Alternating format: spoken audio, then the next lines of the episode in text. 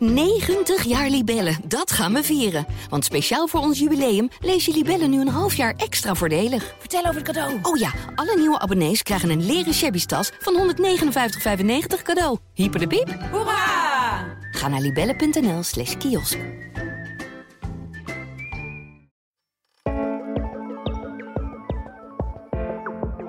Dit is Ondertussen in de Kosmos, de podcast van de Volkskrant, waarin we alles en iedereen door een wetenschappelijke bril bekijken. Mijn naam is Tony Mudde, chef van de wetenschapsredactie hier. En ik ben nog net niet in Bermuda en slippers naar de redactie gekomen, maar het is wel opvallend warm deze herfst. We zitten al diep in de herfst en de temperaturen komen soms tot boven de 20 graden. Wat is er toch aan de hand met dat klimaat van ons? En zijn we niet hele gevaarlijke kantelpunten, heet dat, een soort point of no return gepasseerd, waarin het wel heel hard de verkeerde kant op gaat? Ik ga het erover hebben met twee collega's hier die veel over klimaat schrijven. Redacteuren Maarten Keulemans en Maartje Bakker. Maarten, om even dichtbij te beginnen. eh, Ligt het nou aan mij of is het echt een bizar warme herfst? Nee, dat ligt niet aan jou. Het is inderdaad bizar warme herfst in eh, Nederland, zoals je kan zien. Eind oktober hoort het eigenlijk eh, 13,3 graden te zijn. Dat is Mhm. een beetje het gemiddelde. Ja, we zitten nou telkens rond de 20, boven de 20. En eh, ja, dat is, eh, dat is tamelijk uitzonderlijk. Dat is nog maar een keer of vier eh, eerder gebeurd. En is dat klimaatopwarming in action? Ja, kan je nooit helemaal zo zeggen. Je kan nooit zeggen van dit is, komt door het klimaat. Om een indruk te geven, een vorige record warmte, meer dan 25 graden, er werd wel eens een keertje gehaald in, in het jaar 1937. Nou, toen was er nog niet zo heel veel opwarming. Maar het is wel zo dat, ja, weet je wel, zoals we dat altijd zeggen, de dobbelsteen eh, zwaarder wordt. Dus de kans op hele warme periodes en, en gekke uitschieters, die wordt gewoon echt wel eh, groter. En dat zie je ook aan de andere jaren. De laatste keer dat het zo warm was, was eh, 16 jaar geleden, in 2006. Daarvoor was het in 2005. Dus dat zijn allemaal wel hele recente jaren. Ja, precies. En als we gewoon kijken even naar het, het grote plaatje.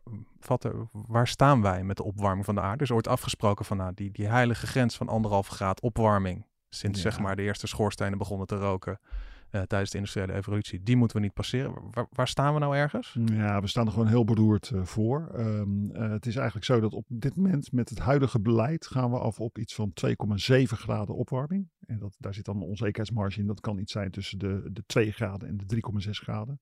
Mhm. Belachelijk veel, hè? moet je even nagaan. We hebben afgesproken van nou 2 graden, dat is echt de grens waar we echt niet overheen moeten. En het liefst eh, zouden we onder de anderhalve graad eh, blijven, omdat het dan nog een beetje, een beetje veilig is. En eigenlijk begint het boven de 1 graad begint het al een beetje lullig te worden. Dus dat is met, met ja, de kant die we nu op gaan. En eigenlijk als iedereen zich aan de klimaatafspraken zou houden, wat, wat niet, eh, niet alle landen doen, dan zouden we afgaan op 2,1 graad Celsius. eh, Per, per welk jaar? Nou, dat is een beetje eind van deze eeuw eh, zit je dan.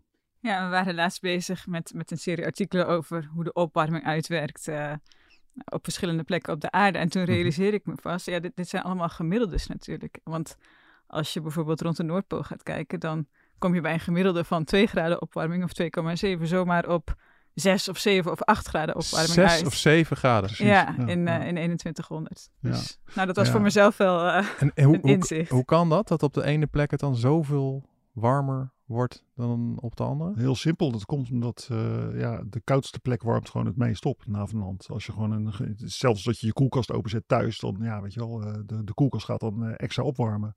Meer dan, laten we zeggen, jouw woonkamer. Als je de kachel aanzet. Dus dat is, ja, dat is heel simpel. Maar je hebt helemaal gelijk, dat is buitengewoon vervelend. Daarom zijn die poolgebieden, die zijn echt een pineut. Bij ons zitten, gaat de opwarming ook harder dan rond de Evenaar. Ja. En, en dan komt er weer zo'n klimaattop aan, nummer ze- 27 uit, mijn hoofd. En, en dan, dan denk ik, wat, wat gaan ze daar precies bespreken? Heb jij een idee? Waar, waar draai je die klimaattop om? Ja, nou ja, kijk, een hele grote klimaattop was natuurlijk die in Parijs. En toen is het akkoord eh, van Parijs gesloten met die doelen waar we het net over hadden. Ja. Ehm, maar daarmee is het natuurlijk niet klaar. Elk jaar eh, wordt weer gekeken, ja, hoe liggen we op koers? Elk, elk land ehm, kan ook bijgewerkte plannen indienen om te zorgen dat de klimaatdoelen worden gehaald. En zo'n top dient ervoor om iedereen scherp te houden, zodat landen elkaar kunnen inspireren. Ja. Aanjagen ook. Eh, dat probeert de EU vaak te doen door toch nog weer een schepje bovenop de klimaatdoelen die ze hebben gesteld eh, te doen. Eh, en dan te hopen dat andere landen in de wereld en, en delen van de wereld meekomen. De EU had nu gezegd hè, dat nou ja, er in 2030 niet een reductie moet komen van 45% van de eh, CO2, maar zelfs 55 procent. Ja. Omdat inderdaad, wat Maarten ook zegt, die, die doelen uit prijs, die met het voortschrijden van de tijd komen die eh, verder uit zicht. Ja. Nou ja, en wat er typisch is aan deze klimaattop is dat die in Egypte is, Mhm. eh, een Afrikaans land.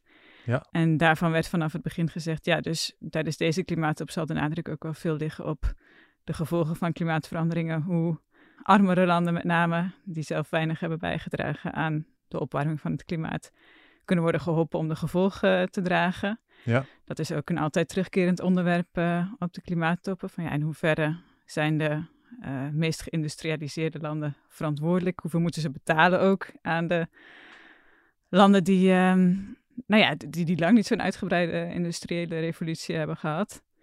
Dat zal een van de onderwerpen zijn. En verder ja, zijn de grote lijnen al wel afgesproken, maar valt er ook altijd nog heel veel uit te werken. Ik sprak van, een hoe keer. gaan we het dan precies doen? Ja, ik sprak En een keer een, hoog- termijn, ja. ja, een hoogleraar over eh, die zich bezighoudt met, met bebossing, herbebossing, ontbossing. Nou, bijvoorbeeld, hoe weeg je dat? Hoeveel CO2 neemt een bos op? Ja. Dat moet, moeten wetenschappers ook tot in detail vastleggen. Dus daar praten ze ook met elkaar over. Precies. Dit, dit gaat ook niet om een heel nieuw klimaatakkoord of zo. Hè. Dit is gewoon echt puur, het heet dan ook de Conference of Parties. Mhm. Dus het is gewoon de landen komen bij elkaar om te kijken hoe ver eh, zijn we eigenlijk. Ja, Ja. en jij schetst het net al even van hoe ver zijn we eigenlijk? Het gaat zeker niet de goede kant op. En dan eh, zeggen wetenschappers wel, we moeten oppassen dat, we, dat er geen kantelpunten in zicht komen. Nee, dat klopt. wat, ja. wat, wat zijn die kantelpunten? Ja, het is een beetje een vak apart binnen de klimaatwetenschap. Eh, Zo'n zo'n kantelpunt is eigenlijk eh, nou ja, heel simpel wat je er ook bij voorstelt. Eh, als je een, een bekertje om gaat duwen, bekertje water wat hier staat. Ik zal het niet doen, maar als, Ja. als ik het zou doen, dan komt er een punt waarbij het niet meer te stoppen is. Waarbij dat bekertje gewoon omvalt. De zwaartekracht neemt dan de overhand en dan valt het om. Ja, Nou, dat is met, met klimaat is dat ook zo. Er zijn een aantal eh, systemen in het klimaat die kunnen, ja, als ze een bepaalde duw krijgen door de warmte, kunnen ze gewoon onomkeerbaar gaan smelten, uit elkaar vallen, eh, stuk gaan, eh, stijgen, dat soort effecten. Heel mooi voorbeeld is bijvoorbeeld de, de, de, de ijskap die op Groenland ligt. Daar ligt een enorme klont ijs ligt erop. Enorm continent trouwens ook. En je kunt je voorstellen, doordat het opwarmt, eh, komt de vorstgrens komt steeds hoger te liggen. Intussen smelt die ijskap en daardoor wordt de ijskap zelf die wordt lager, dus die gaat, die gaat zakken. ja, En ja, op een gegeven moment gaan die twee elkaar steeds vaker passeren. Dus dan krijg je steeds vaker dat gewoon de top van die ijskap onder de vorstgrens eh, ligt. Omdat de vorstgrens natuurlijk eh, steeds, eh, steeds hoger komt. ja. En de ijskap lager wordt. Maar ja, naarmate er meer smelt, wordt het weer, wordt het weer warmer. Wordt de ijskap lager en gaat het ook weer meer, ja, gaat het ook weer meer smelten. En dat is dan een, een, een kantelpunt, even dat ik hem goed snap, dat zelfs als wij vandaag in één keer zouden stoppen met het gebruik van olie, Nou, Dan geen weg terug dan gaat dat nog moment. steeds door. Klopt, ja, ja. Dan, dan, dan zijn we al dat gevaarlijke punt gepasseerd. Ja, omdat eigenlijk gewoon de uitkomst van het proces, die is weer- gelijk weer een oorzaak van dat het proces doorgaat. Dus een, eh, wat ook op Groenland bijvoorbeeld aan de hand is, is eh, eh, sneeuw. Witte sneeuw die weerkaatst eh, de zon. Mhm. Maar sneeuw die smelt ook weg. En als de sneeuwgrens steeds hoger komt te liggen, smelt er meer sneeuw weg. En daardoor absorbeert de ijskap meer warmte. En doordat hij meer warmte absorbeert, gaat er ook weer meer sneeuw smelten. En gaat er meer sneeuw vallen in de vorm van regen, waardoor er minder sneeuw ligt. En daardoor neemt er weer meer warmte Ja, op. Dus soort- zo, zo versterkt het elkaar. Zo gaat het in een cirkeltje. Gaat het rond. Visieuze cirkel van, eh, van ellende Precies, eigenlijk. precies. Ja. En, dan dit is in wel- het verleden ook wel bekend, toch? In, in het hele verre verleden. Tenminste, zo heb ik dat nog geleerd tijdens mijn studie. Ik heb biologie gestudeerd, maar dit kwam ook aan de orde. Dat er ook wel een tijd is geweest waarin we een snowball earth hadden. Waarin het hele, de hele aarde eh, bedekt was met sneeuw. En dus heel wit was, veel licht weerkaatste. En dat het heel moeilijk was om dan weer in een fase van opwarming te Ja. komen. Maar als dat eenmaal begint, wordt de aarde steeds donkerder van kleur. Wordt er meer warmte opgenomen. En versnelt dat proces zichzelf. Ja, dat, klopt. is niet, dat zou niet voor het eerst zijn dat het, dat het gebeurde, toch? Het is Nee, iets klopt. wat, wat in het verre verleden al vaker eh, zich heeft voorgedaan. Ja, ja. Ze kijken voor dit, voor echt een schoolvoorbeeld is vaak de laatste ijstijd. Daar had je een fase waarin er telkens allemaal piekjes eh, zitten in de temperatuur. Het werd ineens, werd het in, in een paar tientallen jaren werd het ineens een stuk warmer. En dat betekent echt, dat is echt een teken dat er ergens in het klimaat in een of andere ja, ijsschots is afgebroken of een stuk eh, een ijsmassa is gesmolten, waardoor het opeens eh, een stuk warmer eh, werd. Dus dat, is, eh, dat soort hele abrupte overgangen, die zie je heel veel. Eh, Maartje, jij hebt er ook wel eens over geschreven. Ik bedoel, bij eh, smeltend ijs, dan denken Nederlanders al snel aan van oef, wat doet dat met de zeespiegelstijging? Mhm. Eh, wat doet dat smeltend ijs met de zeespiegelstijging voor Nederland? Ja, eh, dat gaat sneller dan natuurlijk, want er komt eh, meer water in de zee. Ja. En voor Nederland kan dat vervelend worden, omdat, eh, omdat Nederland laag ligt. Ja. En het KNMI heeft daar eh, vorig jaar inderdaad een aantal berekeningen, berekeningen over gedaan. Naar aanleiding weer van het eh, rapport van het IPCC, dus het klimaatpanel van de VN. Mhm. En volgens die laatste inzichten kan de zeespiegel in 2100 tussen de 39 en 94 centimeter stijgen ten opzichte van begin van deze eeuw. Ja, nog één keer. 29 centimeter en 39 en 94 centimeter. 39 en 94. Ja? Dus gemiddeld denk je dan aan 60, 70 centimeter, eh, Ja. zoiets. Ja. Maar, en, en dat was een beetje nieuw toen in de boodschap van het KNMI, ze, ze wilden toen ook rekening houden met een extreme eh, zeespiegelstijging, waarop de kans weliswaar klein is, maar helemaal uitsluiten wilde het KNMI en, en ook het IPCC dat toch niet. Mhm. En in dat geval, als alles tegen zit, kan de zeespiegel dus wel tot 1,2 meter eh, stijgen voor de Nederlandse in 2100. En dat zal dan gebeuren, waar ze dan altijd aan denken, is het smelten van Antarctica. Want nou, daarover is nog veel onbekend over hoe dat precies zal verlopen en of er grote stukken gletsjers zullen afbreken. En dus nou ja, daar zit heel veel onzekerheid in. Maar wat die wetenschappers van het KNMI mij toen vertelden is van ja, we willen het toch noemen om maar op het ergste voorbereid eh, te zijn. Ja, en even voor die termijn, hè, want 2100, dat klinkt dan nog heel abstract, maar ik zit er gewoon even te denken, zo van ja, laten we zeggen, mensen, de kinderen die nu geboren worden, nou, gemiddelde levensverwachting, dat zal wel iets van 80 zijn, die maken dat dus gewoon nog ja, mee. ja, Een ja. zeespiegelstijging van 1,2 meter. Ja, en wat ik altijd ook wel, nou ja, wat mij wel eens eh, zorgen baart, is dat, eh, kijk, het stopt natuurlijk niet in 2100. Voor ons is 2100 zo, nou, het jaartal dat is heel ver weg. Wij zullen allemaal eh, dan niet meer leven of we maken nog net eh, het laatste, we maken het nog net mee. Ja. Nou ja, nee, ik denk dat wij daar allemaal eh, te oud voor Nou, zijn. wij zijn wel kerngezond hier hoor, alle drie. Ja.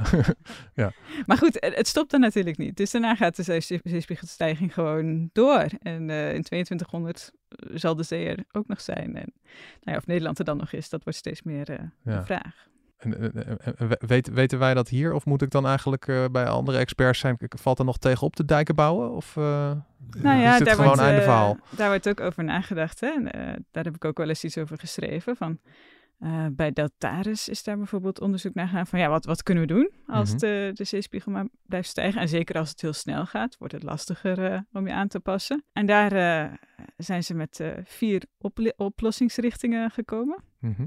Nou ja, om ze te noemen. Eén is eh, een beetje doen zoals we het nu doen. Dus eh, open verbindingen eh, met zee. De rivieren stromen nog steeds gewoon in de zee. Maar als de zee hoger is, zal ook het waterpeil in de rivieren hoger worden. En zullen we dus veel hogere dijken nodig hebben, die weer veel meer ruimte in zullen nemen. Dus Ja. nou ja, niet helemaal zonder problemen. En ook, nou ja, als de zeespiegel steeds hoger komt te staan ten opzichte van het land eromheen, dan krijg je ook het probleem van kwelwater en zoutwater dat zich onder die dijken door Ja, precies. eh, naar de landbouwgronden en zo gaat bewegen. Dus eh, nou ja, dat is één scenario. Het andere was om eh, met gesloten zeekeringen te gaan werken. En daarvan zei die wetenschapper die ik, die ik daarover sprak van ja, dat is iets waar we eigenlijk al vanzelf in belanden. Want nu al, nu de zee hoger wordt, zijn de, de, de waterkeringen in Nederland al veel vaker dicht. Eh, omdat het overstromingsgevaar gewoon te groot wordt. En met dat de zee hoger wordt, moeten ze steeds vaker dicht. Ja. Zodat ze helemaal nooit meer open gaan. Ja, En je dus alle rivieren in de zee moet pompen. Nou ja, dat is iets wat je al bijna niet kan voorstellen, want dat kost enorm veel al het energie. rivierwater in de zee pompen. Ja. Omdat dan die rivier die ligt gewoon een paar meter lager dan de, dan de zee, Ja. zee aan de andere kant. Ja, dan maar. heb je minder hoge dijken nodig. Maar goed, dan moet je wel dat pompen eh, doen. Ja. Ja, en wat als er ineens heel veel water komt? eh, ja, waar laat je het dan? Ja. dan eh, nou ja, daarvan wordt dan een, een derde scenario bedacht. Van wat je ook nog zou kunnen doen is nieuwe eilanden maken voor de Noordzeekust. En eh, een soort nieuw randmeer daar creëren, zodat je dan een extra buffer hebt voor het zoete water. En je hebt nog wat land gewonnen ook. Maar goed, waar haal je al dat zand vandaan? En, het is verschrikkelijk duur natuurlijk. Dus eh heeft ook zijn nadelen. En dan een vierde oplossingsrichting is van, nou ja, we geven het op. We moeten toch maar eh, bewegen in de richting van het oosten van het land. En eh, in het westen misschien de grote steden nog, nog beschermen, maar de rest wordt te duur om het droog te houden. En dat, ja, het zijn allemaal best technologische oplossingen en dat maakt het ook wel interessant, want dit zijn dingen die Nederland dan misschien nog zou kunnen doen. Of, nou ja, we zullen zien hoe betaalbaar het zal zijn, maar heel veel landen in de wereld, ja, is daar gewoon geen denken aan natuurlijk. Nee. Ja, en, ik en, vind het moeilijk altijd wel van dit soort eh, voorspellingen. Weet je, we hebben het dan over eeuwen. En eh, ik, ik moet zeggen, ik heb het wel eens een keertje over gehad met hoogleraar waterbouwkunde eh, Marcel Stieven eh, uit Delft ook. En die zei het wel heel mooi. Die zei van ja, weet je, de komende eeuw kan je er nog een beetje overzien. Maar over een paar eeuwen dan leven we echt in een andere wereld. Ga maar na, weet je wel, we leven nu voorbij het jaar 2000. Ga maar eens even 200 jaar terug in de tijd, naar het jaar 1800. Kun je gewoon geen voorstelling van maken hoe anders dat is. Nou ja, en ook toen mensen wel, in toch? 1800 leefden, konden ze geen voorstelling maken van hoe anders het nu zou zijn. Nou ja, maar de steden waarin we nu leven, eh, de, de oude steden in het westen van het land, eh, Amsterdam of eh, Leiden of Gouda, daar heb ik eens iets over geschreven. Ehm, ja, die staan er natuurlijk al heel veel langer dan Ja. 200 jaar. Maar misschien vinden we tegen die tijd helemaal niet meer zo erg om die steden te verlaten. Of misschien bouwen we tegen die tijd Misschien drijvende niet. steden. Of misschien hebben we een techniek om gewoon die steden heel goed te beschermen. Dat is, eh, Ja, maar iemand zei ook wel tegen mij van, ehm, het is iets waar je nu eigenlijk meer over na, zou na moeten denken dan we nu doen. Want je kunt wel denken, nou ja, over 200 jaar is de wereld helemaal anders. Aan de andere kant blijkt in de praktijk dat de huizen die 200 jaar geleden gebouwd werden, daar wonen we nog steeds in en graag. ja, ja. Eh, of 200, weet ik niet of er daar heel veel van zijn, maar in elk geval 100 jaar geleden. En wat dat betreft kun je je afvragen of het wel zo slim is om, om, om nu enorme bouwprojecten te starten, juist in de lage delen Ja, van Nederland. dat is sowieso verstandig. Ja. Omdat, eh, wel, Ja. Nee, nee, dat het is natuurlijk verstandig om, om daarop te anticiperen in de zin. En dat is ook wat Deltaris al doet. Van ze zeggen van ja, weet je, ga nou niet bouwen op plekken waarvan je weet van, nou ja, Ja. weet je al, eh, polders waarvan je weet dat wordt gewoon deze eeuw of in de loop van deze eeuw een probleem. ja, Dat kan ik heel goed volgen.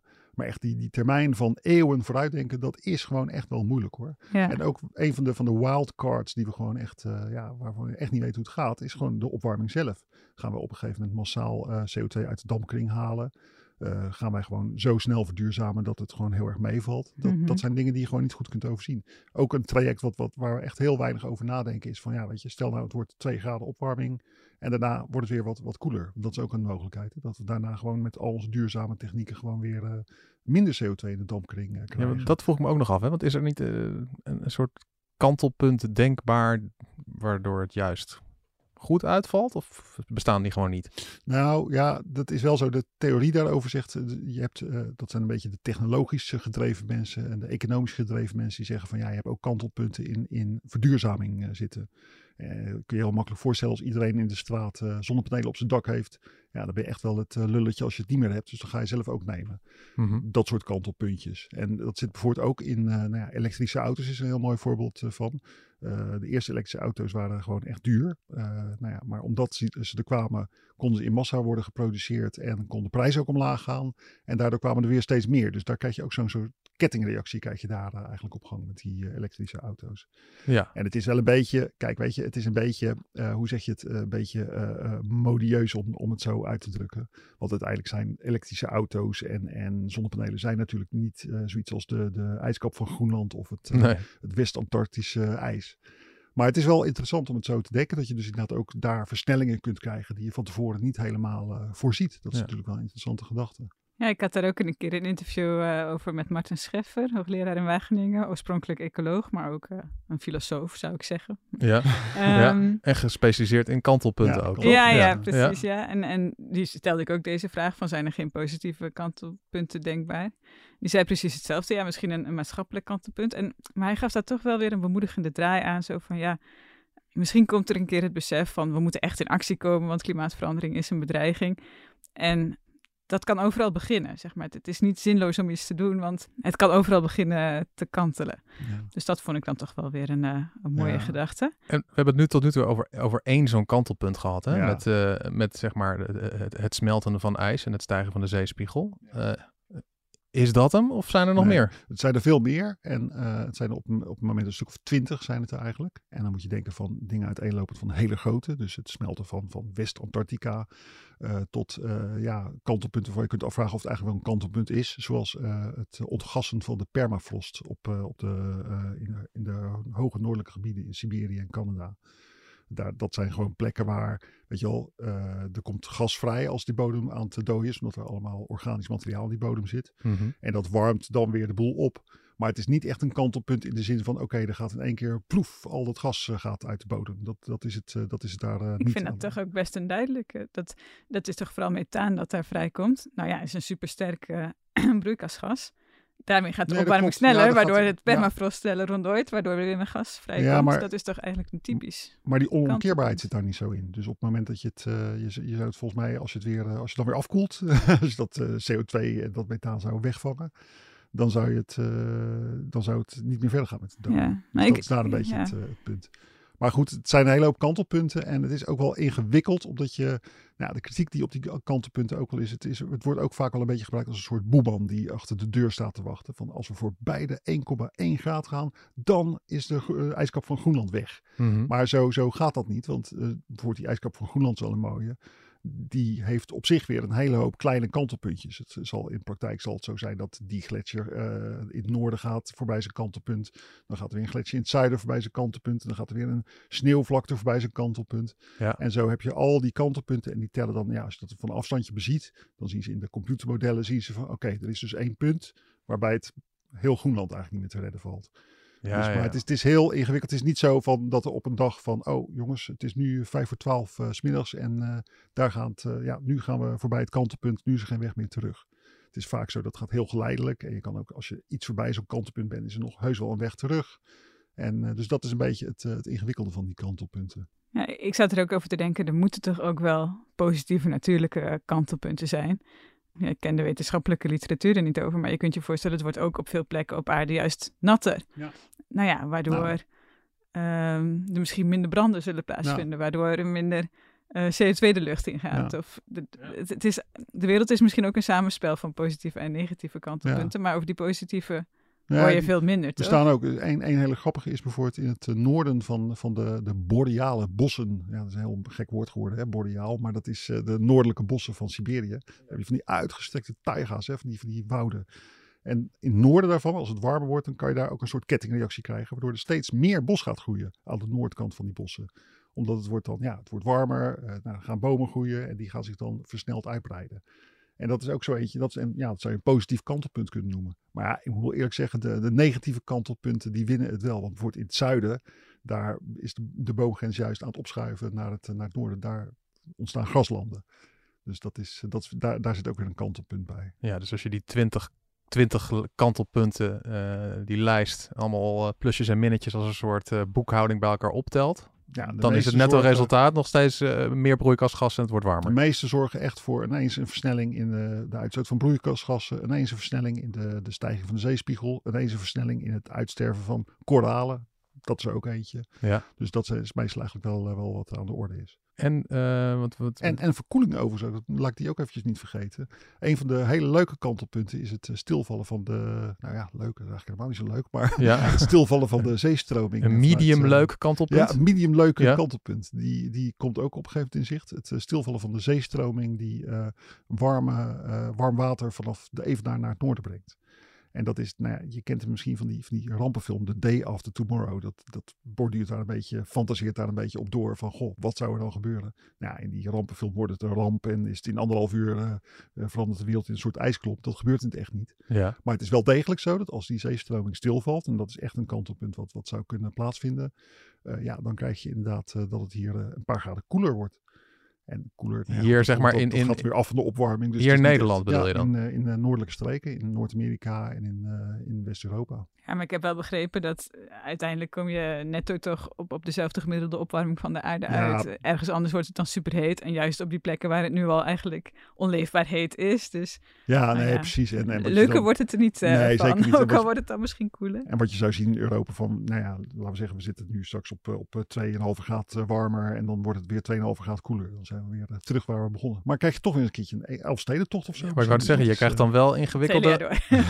Je krijgt wel in, de, in, de, in het publiek zou je wel een ingewikkeldere klimaatdiscussie krijgen. Als ook. mensen ineens zeggen van, eh, weet je wel, als er drie Elfstedentochten achter elkaar zijn geweest, dat je dan zou moeten zeggen van, nee, maar er is echt iets ernstigs Ja. aan de hand. Oh, Ja. ik denk dat mensen dat veel erger vinden dan dat het hier eh, vijf graden warmer zou zijn. Ik denk dat de meeste mensen bij een zomer als de afgelopen zomer denken, nou ja, is het nou echt zo erg dat de zon Ja. steeds schijnt? nee, Terwijl als het hier eh, kouder wordt, ik denk dat mensen dat eigenlijk nog eh, Ja. vervelender zouden Ja, vinden. Wat denk- jij daar zegt is denk ik volgens mij echt een van de gewoon pijnpunten in de, in de hele ur- de urgentie, zeg maar, het gevoel van er moet iets veranderen. Ik denk dat in hun dagelijks leven, ja, eh, ik, ik ben nu gewoon in korte broek buiten aan het voetballen in het weekend. En ik vind dat lekker. Ja, en juist in de Terwijl het landen... natuurlijk eigenlijk Ja. gewoon helemaal niet goed is. Eind, eind oktober, de, de, de, de wintertijd eh, gaat zo'n beetje in. En, en, en, en we zitten hier... eh, Nee, en, en dat is het probleem natuurlijk, dat de landen die de meeste fossiele brandstoffen verstoken, eh, niet de grootste gevolgen dragen van klimaatverandering. Want dat zijn eh, de landen rond de Evenaar, waar het super droog wordt, waar eh, de landbouw die ze hadden onhoudbaar wordt. En, en nou ja, waar mensen ook niet onze kant op kunnen komen, want dat, daar is ook geen politieke meerderheid voor. Ja. Maar ja, ja, dat is het lastige natuurlijk, dat wij aan de ene kant het geld hebben om de ergste gevolgen op te vangen. En aan de andere kant het ook voor Nederland niet zo verkeerd uitpakt. Ja, volgens mij was ook eh, na de overstromingen in Pakistan kon ontstond ook, ook die discussie van eh, die was nooit zo erg geweest als er geen klimaatopwarming was geweest. Hier hebben jullie de rekening, eh, Ja. Rijke Westen. Ja, Ja. dat is volgens mij ook een van de onderwerpen die dus bij de klimaattop op de agenda staat. Ja, en en Dat soort rampen laten ook wel zien van, eh, ja, ze hebben een punt misschien in Pakistan. Het is, heel het is een hele ingewikkelde discussie. Want wat is in Pakistan? Is nou echt klimaat het probleem daar? Ze hebben daar natuurlijk overstromingen, maar dat kan natuurlijk ook komen omdat ze daar gewoon met een enorme overbevolking zitten. En, en die mensen zijn naar de delta ingedreven, waar een eeuw geleden nog geen, eh, geen landbouw eh, was. Ja, het is, het is heel moeilijk om, om daar, ja, weet je wel, eh, oorzaak en gevolg en, en hand van het Ja. klimaat, om dat allemaal uit elkaar te pulken, denk Ja, ik. tuurlijk, ja. Ja. Maar het is in ieder geval wel zo dat op die, eh, die conference of parties, ja, weet je, in Parijs heeft men gewoon afgesproken van er moet een groot fonds komen voor eh, compensatie van, eh, van derde wereldlanden, ontwikkelingslanden. En dat fonds is nog hartstikke leeg. Ja, Dat volgens mij was dat eh, fonds ook juist weer om je, zodat die landen zich konden aanpassen aan rampen die nog moeten komen. Ja, dus een ja. beetje preventief. En is er nog weer een andere discussie over de, de loss en damages, dus het vergoeden van de schade die dat soort landen al eh, hebben opgelopen. ja. Ik durf bijna niet te vragen, maar moet- mo- moeten we nog een kantelpunt doen? Of, eh, of, of, of worden, we, daar- worden we daar depressief van? Nou ja, ik zat er nog iets over te denken. Namelijk dat het eigenlijk wel vervelend is dat, dat de aarde eigenlijk een neiging heeft om naar extremen te bewegen. Zo, zo hoor ik dit toch over kantelpunt. Terwijl, ehm, nou, het menselijk lichaam bijvoorbeeld, als, als wij ehm, worden blootgesteld aan kou bijvoorbeeld, dan reageert het op zo'n manier dat we proberen dat effect te beperken. Nou, dan vind Nou. je wel heel somber, eh, maatje. Nee, maar als ik zo hoor, is alles, alles beweegt naar een extreem. nou ja, de Er is niet een soort homeostase van de aarde die ertoe leidt dat we altijd een beetje rond hetzelfde, dat de aarde rond hetzelfde niveau wil blijven Nou, hangen. Nee, maar dat Ja. is er wel hoor. Want Ja? eh, kijk, eh, ik bedoel, ja, de aarde wordt warmer. En daar, kijk, daar horen bij, ja, net als in een oud huis waar je de kachel aan zet, dan hoor je het een beetje piepen en kraken. En dan gebeurt er van alles. Maar het is wel zo dat daarna komt er wel stabiliteit. Dat is ook leuk. Ik heb dat wel met diverse onderzoekers ook eh, besproken. Van, nou ja, is er nou zoiets als een kantelpunt van de wereld waarna wij gewoon, ja, weet je wel, eh, als, een, eh, als, als een balletje de berg afrollen naar, naar het onheil. Maar dat is het niet. Op een gegeven moment is er echt wel herstel en ja, bereikt de aarde weer een, nieuw evenwicht. Vroeger was het ook nog een beetje een angst dat ja, het broeikaseffect echt op hol zou kunnen slaan. En dat wij zouden kunnen worden zoals Venus. Dus een planeet waar, waar gewoon ja, op een gegeven moment het water gaat wegdampen. Dat is ook weer een broeikasgas. En eh, ja, dat gewoon de hele dampkring gewoon onleefbaar wordt. Iets van 700 graden is het op, eh, op Venus. Dus dat, eh, dat moet je niet hebben. Maar dat is gewoon echt wel duidelijk dat dat niet kan gebeuren. Omdat we gewoon heel goed gebufferd zijn. We hebben De aarde blijft oceanen. leefbaar, De aarde blijft je, leefbaar, Maarten? zeker. Ja, dat beloof ik. We moeten misschien wel ergens wat hoger gaan wonen.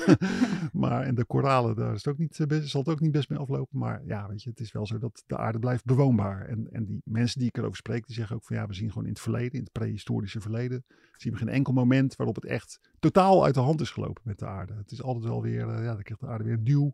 Maar het blijft altijd wel weer eh, stabiliseren op een gegeven moment.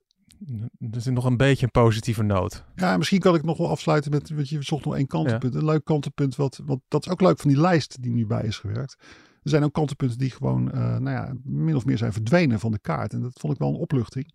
Eentje die altijd een beetje een soort schoolboekenwijsheid was van het smelten van de Noordpool. Als het Noordpoolijs is verdwenen, nou, ja, dan komt er eh, donkere zee komt bloot te liggen. En donkere zee neemt meer zonlicht op. Mhm. En het eh, idee was dat dat ook een kantelpunt was. Dat je daarna dus gewoon ook, ja, als het eenmaal weg is, het ijs, dan kon- zou het nooit meer terug kunnen komen. Dus dat was ook wel een somber beeld. En heel interessant eigenlijk, in die nieuwe studie die nu net eh, vorige maand is verschenen, daar staat eigenlijk in van ja, dat kantelpunt, dat is gewoon veel verder naar de toekomst verschoven. Dat verwachten we pas bij een graad of 4, 5 eh, komt dat er een keertje in zicht.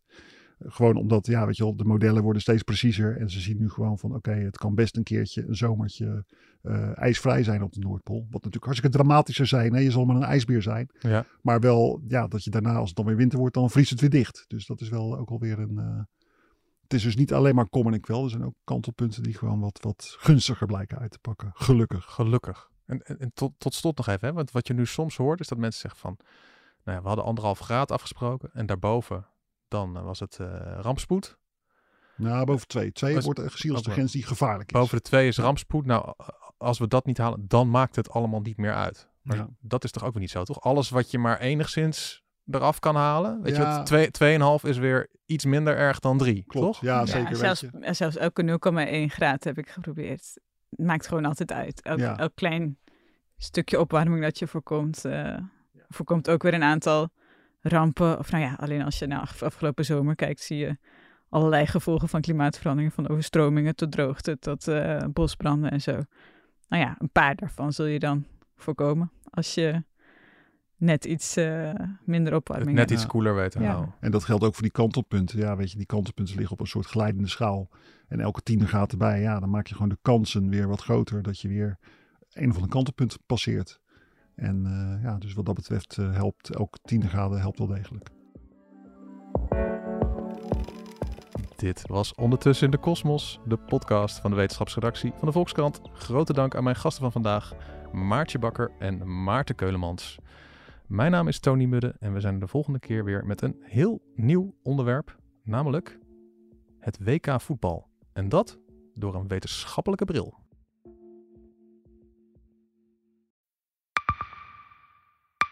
Zijn leven is overhoop gegooid.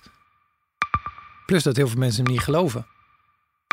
Vrienden niet, die, die denken, ja, hij is gewoon gek geworden. Hoe naar moet dat zijn? Als je vertelt over de meest indringende ervaring uit jouw leven en niemand gelooft dat je het echt hebt meegemaakt. Ja, ik vind zelf niet dat ik het verzonnen heb, maar sommige mensen denken dat wel. Maar hoe kom je erachter of jij het doelwit bent van een geheime dienst? Ik heb ook wel eens meegemaakt dat je het idee hebt dat inlichtingdiensten in je geïnteresseerd zijn. En dan kun je wel heel veel zien, wat er misschien helemaal niet is. Als ik s'avonds nog iets ging eten, dan volgden die mensen mee naar het restaurant. En dan terug van het restaurant naar het hotel. Als zij op een gegeven moment zei, kijk maar uit, want anders word je dadelijk nog ontvoerd ook. Shit, ik moet hier weg. Dat is, dat is niet goed. Nu word ik gevolgd. Een soort Truman Show is het gewoon. Hè? Alsof dat hele straatbeeld voor jou is ingericht. Maar dan wel met bedoeling jou, jou niet door te laten. Dit kan geen toeval zijn. Een nieuwe podcast van de Volkskrant. Mijn naam is Simone Eleveld en samen met Huid Modderkolk ontrafel ik een bizarre operatie van de geheime dienst. Wat het doel ook is, jij verliest het. Ik werd opgepakt, heel lang ondervraagd. Maar hoe krijg je grip in een wereld die zo onderzichtig is? Als je zou liegen, dan zou je niet de meest relevante informatie twee jaar later tussen neus en lippen doorvertellen. Er zal nooit iemand zeggen, oké Bart, ik geloof je. Nooit, nooit. Dit kan geen toeval zijn. Vanaf 3 oktober bij de Volkskrant. Ik weet niet of ik ook alles kan vertellen. Het is echt te bizar. Wat? Ehm, ja. 90 jaar Libellen, dat gaan we vieren. Want speciaal voor ons jubileum lees je Libellen nu een half jaar extra voordelig. Vertel over het cadeau. Oh ja, alle nieuwe abonnees krijgen een leren shabby tas van 159,95 cadeau. Hyper de piep. Hoera! Ga naar libellen.nl slash kiosk.